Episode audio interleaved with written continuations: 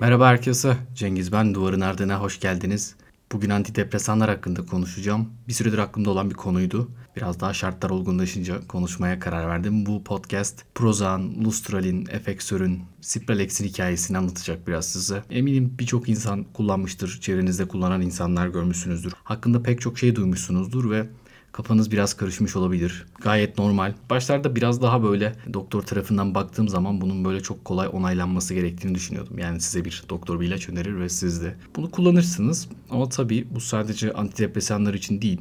Vücudumuza giren her kimyasal için insanın bir endişesi oluyor. Sonuçta bir yabancıyı vücudumuza kabul ediyoruz ve elbette iyileşme beklentimiz var.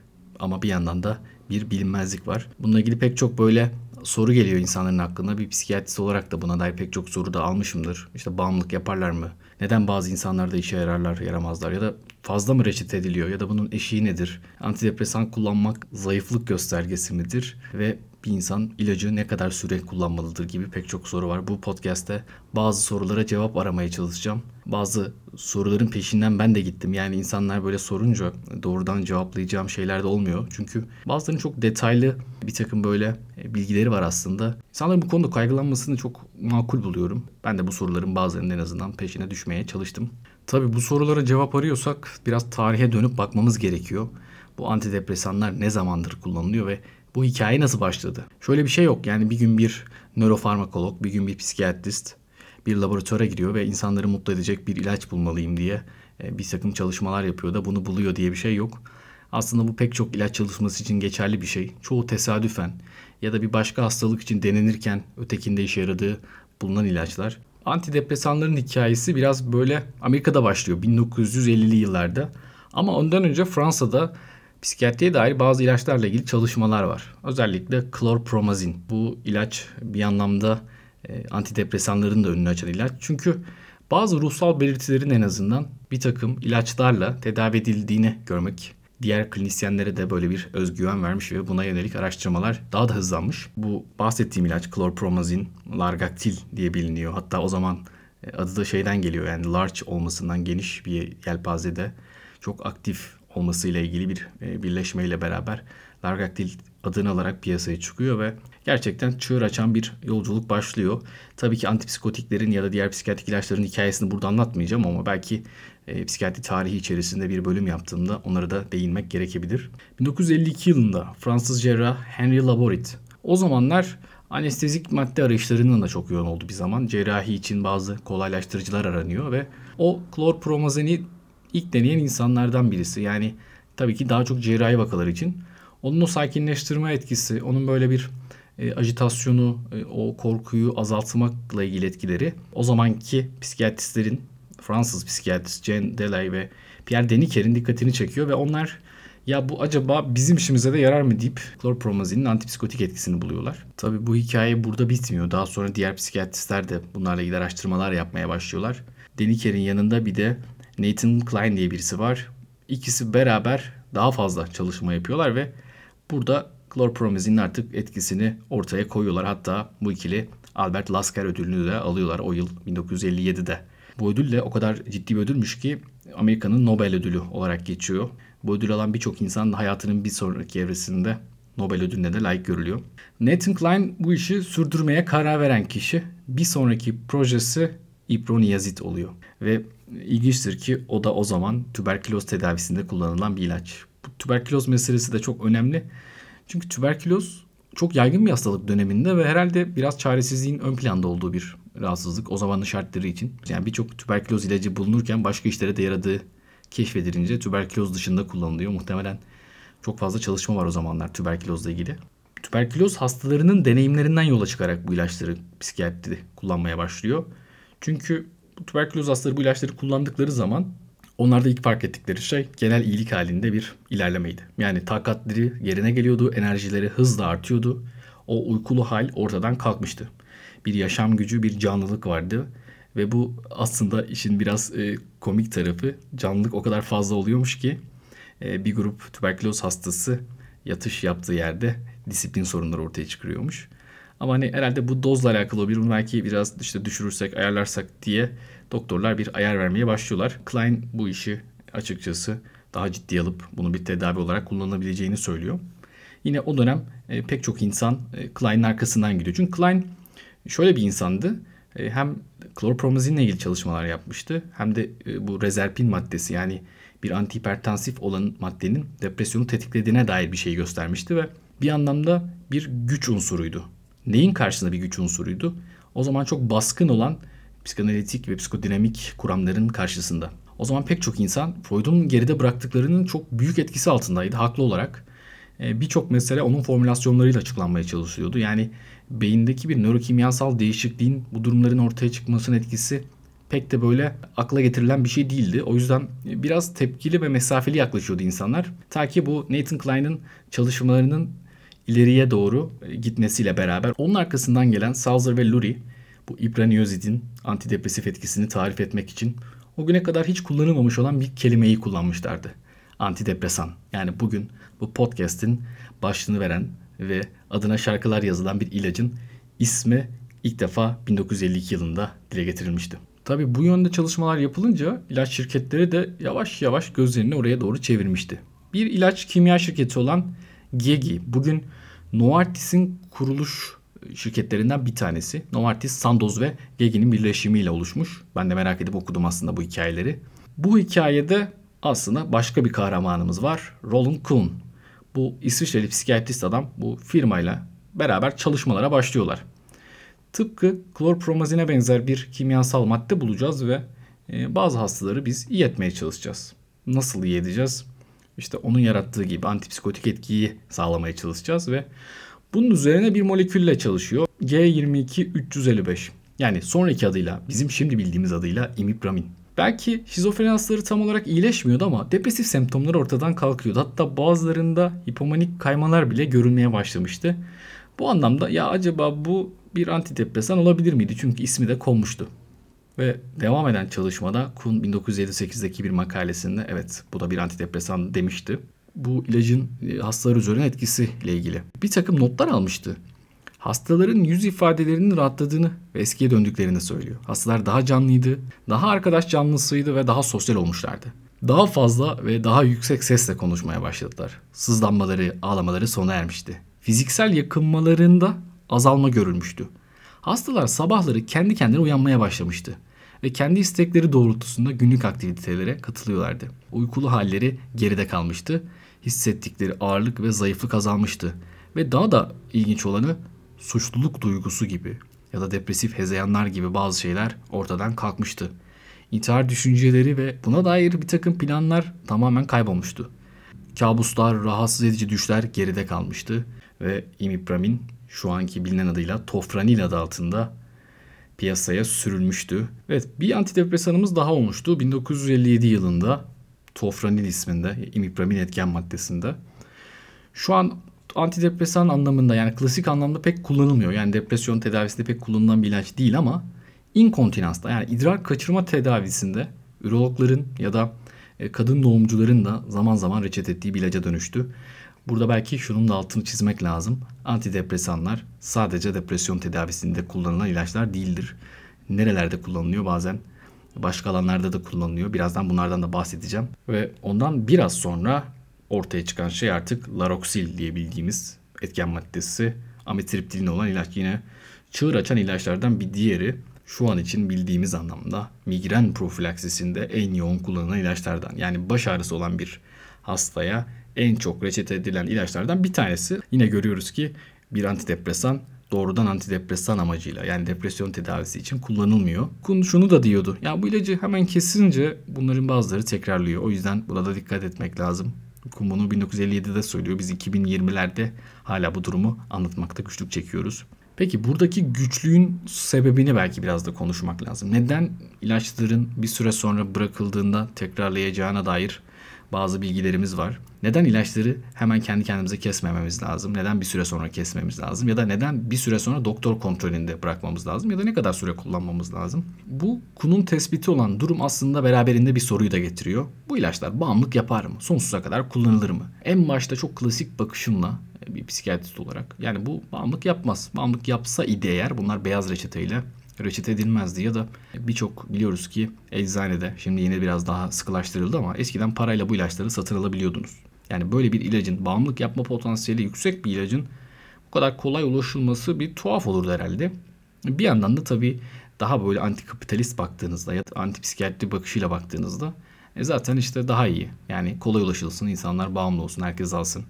Zaten istenen şey bu diyebilirsiniz. Bence evet bir haklılık payı da var. Burada şöyle bir noktayı gözden kaçırıyoruz. Yani bağımlılık tanımımızla ilgili noktayı gözden kaçırıyoruz. Aslında benim de en başta buna dair yani bağımlılık yapmaz herhalde. Yani o dediğimiz şey e, yoksunluk belirtisidir, kesilme belirtisidir. Yani ilacı aniden bıraktığımızda ortaya çıkan şeyler e, ilacın yokluğunda hızlıca bıraktığımızda ortaya çıkan etkiler sadece. Buna bağımlılık demek çok kolay değil ama bir yandan bağımlılığın da bazı kriterlerine uyuyor. Yani bağımlılıkta da biz yoksunluk ve arama davranışlarını gördüğümüzde bağımlılığın bir belirtisi olarak bunu kabul edebiliyoruz. Bu, bu çelişki değil mi? Evet bu bir çelişki gerçekten de. Ama biraz baktığımızda buna dair de makaleler var. Yani antidepresanların bağımlılık yapmasıyla yoksunluk sendromunu nasıl karşılaştırabiliriz, nasıl ayrımını yapabiliriz diye bir makale var. E, Summer Yauhar'ın yazdığı bir makale 2019'da basılmış bu makale Journal of Psychopharmacology'de yani ilaçlarla ilgili saygın bir dergide yazılmış ve yazarların dediği şey şu aslında. Biz antidepresanlar bağımlılık yapmaz diyoruz ama aslında çok heterojen bir gruptan bahsediyoruz. Bunun içinde bir sürü ilaç var. Kafa karıştırıcı bazı şeyler de var.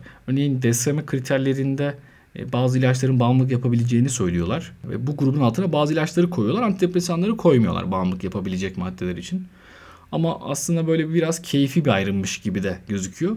Burada izlem çalışmaları yapılması gerekiyor ama bu çalışmaları yapmak zor. Bu ilaçların yoksunluk sendromundan mı, ilaçların bağımlılıkla ilgili belirtilerinden mi olduğunu anlamanız için sizin ruhsal rahatsızlığı olmayan sağlıklı insanlara belki de bu ilaçları verip bir süre izleyip ilacı kesip takip etmeniz gerekiyor ama bu da etik açıdan sorunlu.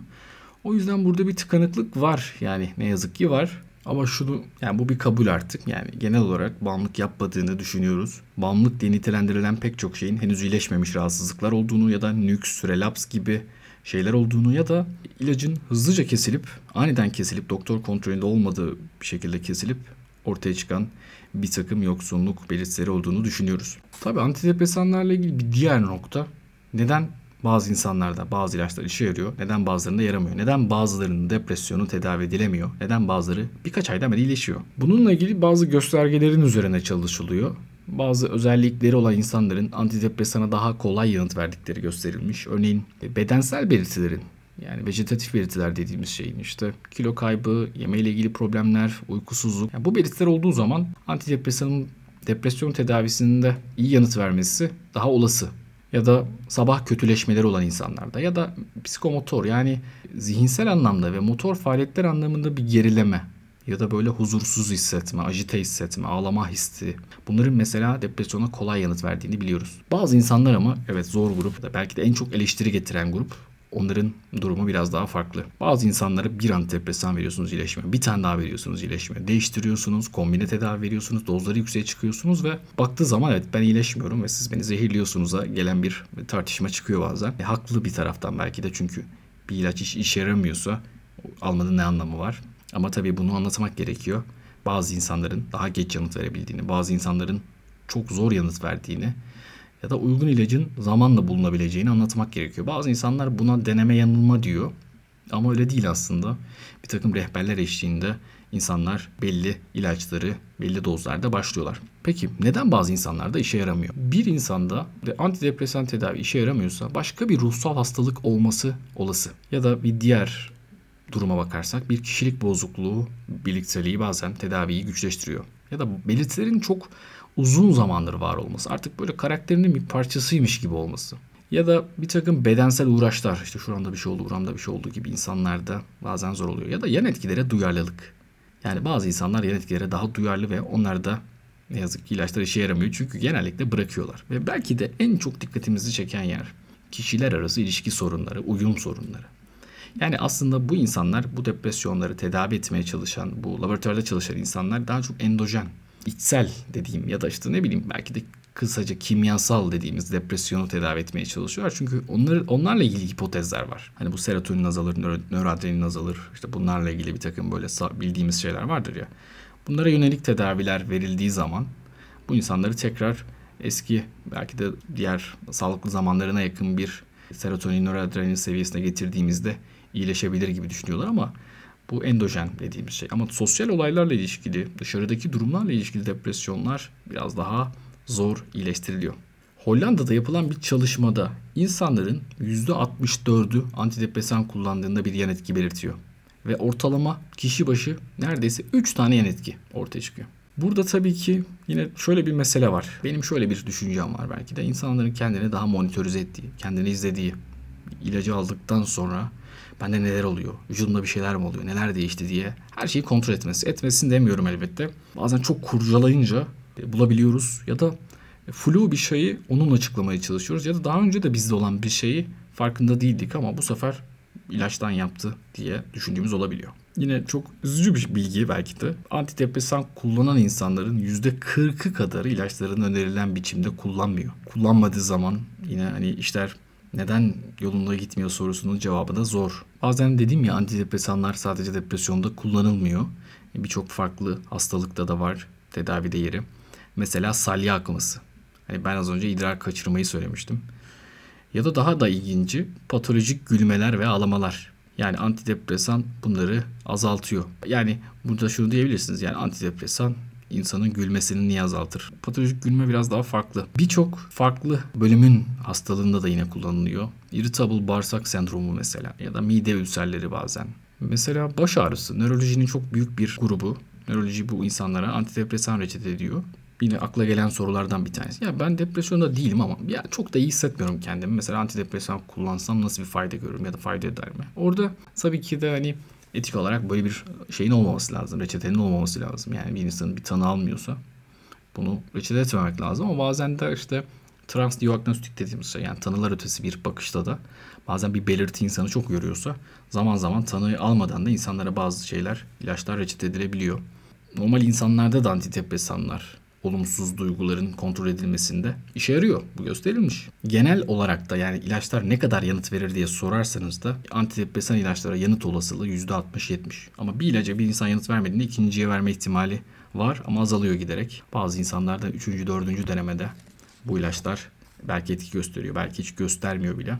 Bazı belirtiler çok geç düzeliyor, bazıları çok hızlı düzeliyor. Ve bir insan ne kadar süre bu ilacı kullanmalı net bir cevabı yok. Kişinin o anki atağının sıklığı, kişinin o atağı nasıl şiddetli geçirdiği önemli. Daha önce geçirip geçirmediği önemli. Daha önceki bırakma deneyimleri önemli. Onun hayattan beklentileri önemli. Kesince ne olacak, ne bekliyor? Devam ederse neler onu kötü etkiler? Buna benzer birçok şey var.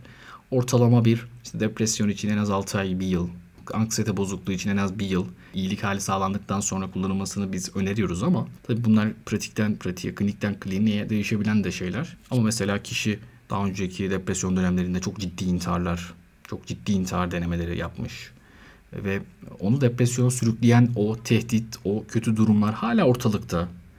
E bu kişiden o ilacı kesip eski haline dönmesini beklemek ona da biraz haksızlık olabilir. Ama herhalde en önemli şey ilacı kesmekle ilgili doktorumuza açık konuşmak. Ona bahsetmek bu durumdan. Yani sen kesmezsen ben keseceğim dediğinde ya tamam hani illa kesmek istiyorsan şöyle düzgünce keselim diyebileceği bir sahne yaratmak. Ama bir şekilde ilacın devam etmesi gerekiyorsa da biraz ona kulak verip dinlemek iyi bir yöntem olabilir. Tabii ki çok fazla eleştiri var. Özellikle işte Prozac'ın ortaya çıkmasından sonra bu eleştirilerin dozu giderek arttı. Prozac artık belki de dünyayı değiştiren bir ilaç oldu ve tarihte bir psikiyatri ilacı olarak milyar dolarlık satışa ilk ulaşan ilaç. 2.8 milyar dolarlık bir rakama ulaşıyor Prozac satışlarında. Ve yani artık belki Prozac dönemi diyebileceğimiz kadar bir çağın başlangıcını sağlıyor. Tabii bütün ilaçlar bir ihtiyaçtan ortaya çıkıyor. Yani aslında az önce de bahsettiğim bir antidepresanı buluyorlar. Ama o antidepresan bazı insanlarda başka yan etkiler ortaya çıkarıyor. O zaman diyorlar ki ya bunun o yan etki yapmayanı bulalım. Tamam Sonra devam ediyorlar. İşte mesela imipramin. Bir bakıyorlar imipramin kullanan insanlarda e, peynir reaksiyonu verilen bir şey var. E, işte tiramin maddesiyle beraber bu ilaçlar alındığında ortaya farklı belirtiler ortaya çıkabiliyor. O zaman biz başka bir şey geliştirelim derken derken derken Falk ve Hillard onlar bir takım yöntemler geliştiriyorlar. Histokimyasal yöntemlerle beraber daha böyle farmasötik açıdan daha stabil bir ilaç yaratıyorlar ve işte onun adı fluoxetin ve Prozac oluyor. Yani bu Lilly firmasının belki de en büyük atılımı yapmasını sağlayan ilaç oluyor. Ve bugün yeni bir dönem başlıyor aslında. yeni bir dönem bugün başlıyor derken şunu kastediyorum. Aslında Prozac 90'ların başından itibaren hayatımıza giriyor ve çok uzun bir tarihi yok. Bu yüzden e, hala ilaçların gelişimi evresindeyiz. Şu an belki modern nöropsikofarmakoloji tarihini yakından izliyoruz. Tabii belki 100 sene sonra da bizim dönemimiz ilkel kalacak.